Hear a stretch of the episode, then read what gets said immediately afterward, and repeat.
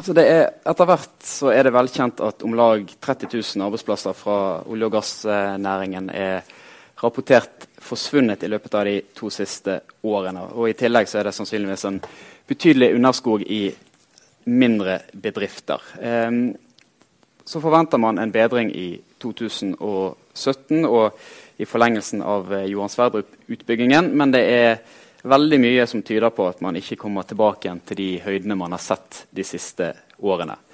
Men verden trenger fremdeles eh, energi, og de fleste spådommer og trender tyder på at grønne løsninger vil utgjøre en stadig større del av energimiksen. Og så er jo spørsmålet med alle disse arbeidsplassene som forsvinner i Norge, hva er egentlig potensialet innenfor nye grønne næringer i Norge? Eh, vi har med oss eh, Hilde Indresøvde, som er daglig leder i Nyskapingsparken her i Bergen. Jørgen eh, Gudmundsson, som er forvalter i Sparebanken Vest, har fått ny jobb siden sist, så det klarte jeg riktig. Eh, og Eirin Fjellanger, som er masterstudent ved eh, Universitetet i Bergen innenfor fornybar energi. Eh, og selvfølgelig også da Thomas fra i sted. Jeg har lyst til å begynne med deg, Jørgen. Mm. Kan du tegne litt sånn bakteppet av den økonomiske situasjonen vi, vi, som, som, danner grunnlaget for denne omstillingen som, som alle etter hvert eh, nevner i annenhver setning? Eh, jeg tror jeg har lyst til å begynne med et eh, sitat fra gudfaren selv, sentralbanksjef Øystein Olsen. Økonomisk sett så har vi hatt en veldig lang sommer. Så er det en kunstpause. Nå kommer vinteren. Men det, men det jeg lurer på, Vet han nå at han siterer Game of Thrones? Ja, jeg, jeg, tror jeg, jeg vet det. Ja, for at, uh, han, har, han har jo kobbel av taleskrivere uh, for seg, så, og de er mer unge og hippe og har sett Game of Thrones. Så Game of Thrones har vært veldig populært i Norges Bank. Så. Du har vært taleskriver for han nå, ikke du? Jo, ja. uh, så derfor vet jeg at de er ganske unge og hippe. Ja, det var nettopp det. så, nei, men, altså, bakteppet er jo at vi har hatt, hatt en næring som har vokst veldig de siste 10-15 årene eh, og bidratt eh, enormt til den velstandsøkningen vi har hatt i norsk økonomi siste, ja, siden 2000-tallet. Og et, selv etter finanskrisen, hvor andre land opplevde en, en, finanskrise, så opplevde ikke vi det på nært samme måte. Eh, vi ble, fikk kjapt en god vekst i oljeprisen igjen, og oljeinvesteringene, som på en måte aktiviteten på sokkelen, eh, vokste med 15 år over år, så var den viktigste vekstbidragyteren til norsk økonomi. Eh, så ble vi til slutt late og fete og fikk høye kostnader. Og så, eh, selv med en oljepris på 110 dollar fatet, så var det et omstillingsbehov. Eh, og, så falt, og, så har oljeprisen falt da, til 30 dollar fatet, og det omstillingsbehovet har bare blitt mye større og enda mer akutt. Og I dag klokken ti så kom det også tall fra fra Statistisk sentralbyrå om eh, oljeinvesteringstelling, som viser at eh, fallet kommer nok til å bli enda større i 2016. Altså Oljeinvesteringen kommer til å falle mot, mot 15 i 2016. Så, eh, det, og da tror vi da, at 2017 kommer til å bli enda mørkere sånn, for, for, for, norsk økonomi sin del. Da. Men det åpner opp også muligheter for med, seg, med, med denne olje, oljeprisfallet så faller også krona veldig. Og det er til nytte for, til, til sånne, sånne, nye investorer som ønsker å ikke bare liksom produsere kraft, men også ikke minst eksportere disse løsningene ut. Da. Og det vil jo gjøre at disse løsningene blir rett og slett billigere målt i norske kroner. Så at um, um, vi går mørkere tid enn vi venter, det, men, og en kaldere tid, siden vinteren kommer og greier. Men, uh, men, men, uh, men det er vi har et stort problem i norsk økonomi, eller liksom i alle modne økonomier. Det er jo at investeringsveksten har vært lav, og den har vært lav lenge. Og det skyldes ikke fordi at det, at det er noe spesielt med Norge, men det er noe spesielt med modne økonomier. Vi blir eldre. Vi har ikke så mye behov for investeringer lenger. og det gjør det vanskeligere å komme til, kanskje, for det er ikke kapitalbehovet der heller. Hilde, i går hadde du besøk av eh, både Erna Solberg og Siv Jensen nede hos deg på, på Møhlenpris. Altså, i, i, takt med at stadig flere mister jobben, opplever dere økt interesse for eh, si, gründertilværelsen generelt, men òg eh, personer med bakgrunn fra oljebransjen som har lyst til å se på andre energiformer eller bruke sin kompetanse på, på nye måter. Mm, det stemmer. Vi hadde en spennende gründerlunsj i går med statsministeren og finansministeren. Vi har hatt et opptak også nå, eh, der vi har hatt eh, stor pågang. 25 søkere til fem plasser hos oss i inkubatoren. og mange av de er fra oljeindustrien. Eh, så vi ser en um, stor interesse uh, for gründerskap. Um, vi har også et samarbeid med DNB og Nav om uh, informasjonsmøte, generelle informasjonsmøter om uh, gründerskap for arbeidssøkende og overtallige. Og det er 100, 120 påmeldte hver gang og veldig stor interesse av å vite mer om mulighetene for å etablere bedrift sjøl. Mm. Det blir mulighet til å stille noen spørsmål til uh, slutt i dag, sånn at dere kan planlegge det. Det er en mikrofon som kommer rundt til de som strekker opp en hånd etter hvert. Um, Eiren, som, som masterstudent ved UiB så er jo du en av de som forhåpentligvis skal ut og jobbe med fornybar energi i arbeidslivet. Kan du eh, kort si litt om hva, hva, den mastergraden du går på, går ut på, og eh, hvordan du og dine medstudenter ser på, på arbeidsmarkedet? Eh, ja. Jeg, altså Mastergraden i fornybar energi på universitetet den er veldig Man kan velge veldig mange forskjellige retninger. da. Så, men eh, den spesifikke retningen jeg har valgt, eh, heter energianalyse og optimering. Så det går ut på å eh, finne bedre løsninger på ja, fornybare energikilder. F.eks. med å øke produksjon eller redusere kostnader.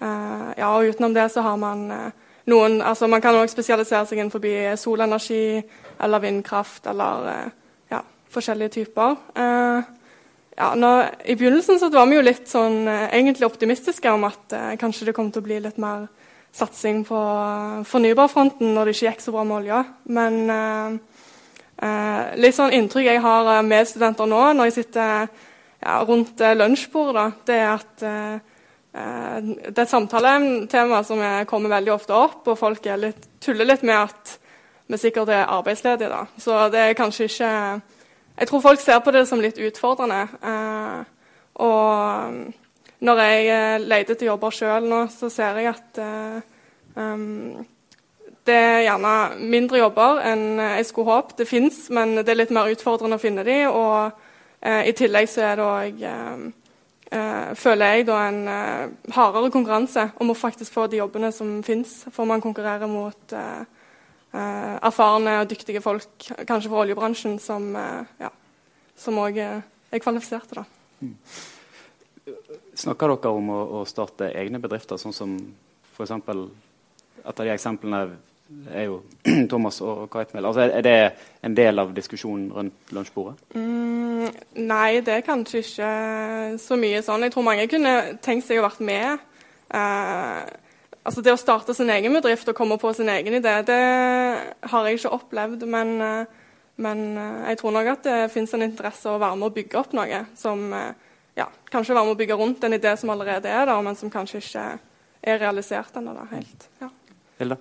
Det er veldig viktig å tenke på at en gründer nødvendigvis ikke er en Reodor, Reodor Felgen-type mm. som har geniale løsninger, men at en gründer også kan være en som um, sammen med andre i et team uh, utvikler en uh, god idé. Og Det er hardt arbeid, men det kan være inspirerende arbeid. og ja, og det, det en starter på, blir som regel ikke det en ender opp med. slik at jeg må på en måte endre hele tida etter kundetilpassa utvikling. Um, så jeg håper jo at vi kan gi det alternativet, gründerskap som en alternativ karrierevei til studentene også. Det, at det er en veldig viktig oppgave for oss.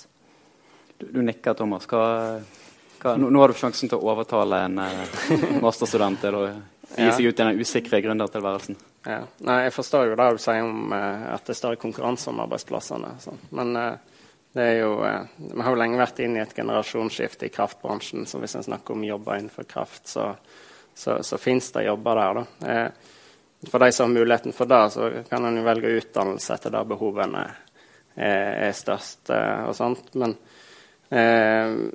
mitt, mitt, råd vil være å komme seg inn i, i kraftbransjen eller inn i fornybarbransjen og, og opparbeides litt erfaring der. Og, og, når en har litt erfaring og innsikt i det som skjer, så, så begynner en å få et utgangspunkt for å kunne være med og, eh, på innovasjon. Da. Og, eh, og det, det, er ikke, det, er ikke, sagt at det er en fordel å være inne i et stort selskap når en skal komme opp med nye ideer og nye løsninger. Da, da kan det òg være lurt å trekke seg ut og starte opp på sidelinja og, og eh, komme inn og, og løse problemer for dem. Jeg tror at den fasen vi skal inn i nå, så blir det store, stort kostnadsfokus, enda større kostnadsfokus enn før òg innen fornybarbransjen.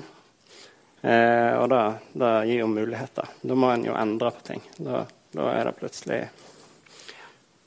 mulig.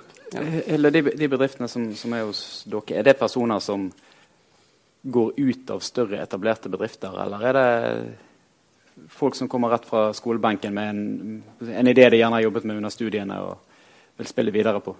Det er litt blanding, men er mange av de som er hos oss, har vært eh, ja, fem til ti år i, eh, i, næringslivet og har eh, et, opp, oppdaga et behov og sett en utfordring. Og så etablerer de egen bedrift og slutter i jobben. Så vi har mange faktisk siste året nå som er godt voksne folk som har sagt opp jobben sin for å, for å starte egen bedrift. Mm. Men jeg vil litt tilbake til det du sa med investerings... Ja. Eh, det med å investere på en måte i, i uh, ny type startups da, altså utenom olje og gass. Eh, det er jo viktig at eh, de som er potensielle investorer, også får opplæring i å investere i nye bransjer.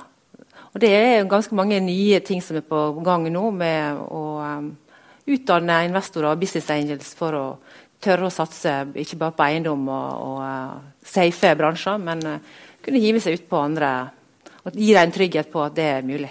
Og Det er viktig, det er veldig viktig.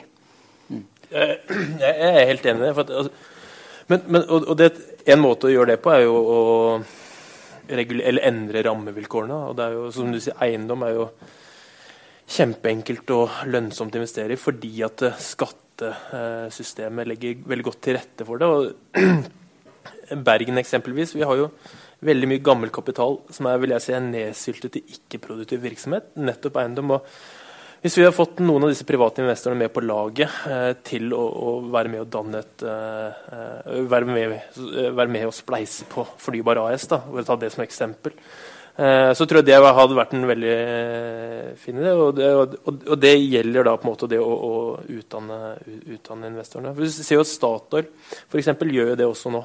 Noe som en veldig god forsikring mot lav oljepris det er jo å være investert i noe som ikke, eller som, eh, som går motsatt av oljeprisen, og det er gjerne fornybar energi. Og det er også liksom, liksom fordel Norge egentlig en gang til.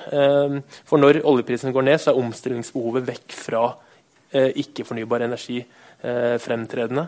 Eh, og da er det så, sånn som dere og deg. Da kommer de godt fram. I resten av verden så er jo lav oljepris et, en, en, en, skattelette, og mer oljeforbruk er egentlig det som er greia da. Så at, igjen så har Norge trukket litt det lengste strået, i hvert fall i på en måte den, og muligheten. da. både fordi at det blir færre ingeniører som jobber i oljebransjen og kan brukes til å gjøre andre ting. så det er jo nok en gang flaks Norge. Um, hvis det er noen som har spørsmål eller kommentarer, så kan de begynne å uh, tenke litt på de. Men jeg har lyst til å spørre deg, uh, Eirin. Altså, har du inntrykk av at den utdanningen du går på nå, er attraktiv i arbeidslivet? Mm, tja, altså Jeg føler at det, det er en veldig framtidsretta utdanning. Uh, Men er dere litt for, litt for tidlig ute? holdt jeg på. Kan, kanskje litt. Eh, eller eh, jeg føler det litt sånn at, ikke, at ikke jobbene er der helt ennå. Men eh, at jeg tror de kommer. Og, og selve linja vår òg har jo blitt mer populær, så det virker jo som om andre òg tror at disse jobbene kommer da, etter hvert. Men, men, jeg tror nok at akkurat nå så er det òg Eller sånn så jeg merker det litt, da, så gjør oljeprisen at det er ikke, i hvert fall de selskapene som driver med både maritim olje og energi, at de kanskje holder litt tilbake. da. Eh, eller, hvis, eh, eller hvis de lyser ut jobber på energifronten, så blir de gjerne besatt av mennesker som kommer fra olje og gass. da. Så ja. Det er, det er litt vanskelig å komme ut på arbeidsmarkedet nå, men, men jeg, jeg, er positiv for framtida. Sånn. men kommentar fra Hilde, og så så jeg en hånd i salen der. Ja, eh, Vi har jo 45 bedrifter hos oss nå, eh, og mange av de er jo fra andre bransjer enn energi og forny. Men alle har jo et potensial i å tenke grønt. Eh, så det å ha folk som på en måte kan den, eh, som kan det faglig, er jo kjempeviktig. og Det å legge grønne filter på eh, vanlige og etablerte forretningsmodeller, det, det, blir jo, det, er jo det som blir et fortrinn eh, i framtida. Så det tror jeg også er viktig å tenke, tenke på at en kan ta, ta, ha den muligheten òg. Jeg tenker også, altså, for jeg, Det er mager trøst. Men, altså, jeg tror Går det til andre skoler også, så tror jeg de opplever at jobbmarkedet er litt tøffere akkurat nå. Altså, nå fikk vi ledighetstall i dag eh, som viste at vel 4,5% av arbeidsstyrkene er er ledige. Og, det gjør jo noe med arbeidsmarkedet, ikke sant? og det er vanskeligere å få jobb generelt sett. Men, men det gir også muligheter til at folk eh, tør, eh, tør, å tenke nytt også. Det å eventuelt starte for seg selv eller, eller etablere mindre, mindre, mindre, ideer som man kan tørre å spille på, da, for rett og slett alternativene ikke er der. Peter? Det var et spørsmål der, og så var det et på bakerste rad, og så tror jeg vi tar de to. Vær så god. Ja, takk. Ja. mitt navn er eh, Inge Bakke. Jeg bor i Selje i Nordfjord. Og jeg er pensjonist. Eh, jeg har vært lærer en stor del av livet, men ellers er jeg utdannet geolog. Og har praktisert en del som det også. På mine gamle dager så kom jeg på en idé som jeg syns var så god. Fornybar idé. Det dreier seg om en ny, type, en ny måte å utvinne bølgekraft på. Og eh, For eh, tre måneder siden så startet jeg et firma som heter Waveco, sammen med to andre. Og jeg vil peke på to forhold i den tiden som har gått, som jeg har opplevd. Det ene er at eh, det å skaffe eh, privatkapital i en så tidlig eh, utvikling av en idé, det ser nesten umulig ut. Det, unisone svaret vi får fra alt fra såkornfond til private investorer og en eventuelle industripartnere, er at dette er for tidlig og for langt fram for mulig inntjening. Det andre, er, det andre forholdet jeg vil peke på, det er at hvis vi ser på den diskusjonen vi har om fornybarbransjen i landet vårt, så er det en øredøvende taushet når det gjelder bølgekraft. Altså, det handler bare om sol og vind og offshore vind. Og det er jo litt paradoksalt, ettersom to tredjedeler av jordoverflaten er hav. Og eh, hvis vi skal se for oss at vi skal in, altså, utvikle en industri med fornybar industri som skal ta over den fossile industriens plass i energibildet, så må det jo en sånn utbygging til på landområdene at det må skape veldig mye konflikter. Ikke minst hvis en skulle bruke eh, vindkraft i den utstrekningen og på sånne teknologier som vi har hørt om i dag. Så det er veldig naturlig å spørre hvorfor, hvorfor ser vi ikke mer utover havet også? Og gjerne langt fra havet. Eh, langt fra land, langt ut på havet. Eh, det siste jeg vil si, er at eh, kanskje den teknologien som vi fikk presentert her, fra Kite Mill, kunne ikke den brukes på havet? Altså, jeg mener, Da unngår du litt av de fundamenteringsproblemene du har med flytende vindmøller. Takk. Eh, først eh, deg, Hilde. Kjenner du deg igjen i den beskrivelsen som av, av den tidligfasetilværelsen som, som ble presentert der? Ja, det er veldig vanskelig den tidligfasen. Og da er det viktig å ha godt miljø og gode rådgivere rundt seg. Så vi kan gjerne ta en liten prat eh, etterpå om, eh, om eh, ja, vi kan hjelpe deg til med noe. Nå er det vel ingen i panelet som er veldig gode eksperter på, på bølgekraft, men, men, det siste innspillet som, som kommer, kunne kite-prinsippet fungert til sjøs òg? på et vis. Har dere vært inne på den tanken? Absolutt. Eh, hvis du ser på de utfordringene med fundament som du nevner på, på offshore vindkraft, spesielt flytende vindkraft, så vil måten som kreftene liner opp på vår, vårt system, løse veldig mye av de utfordringene.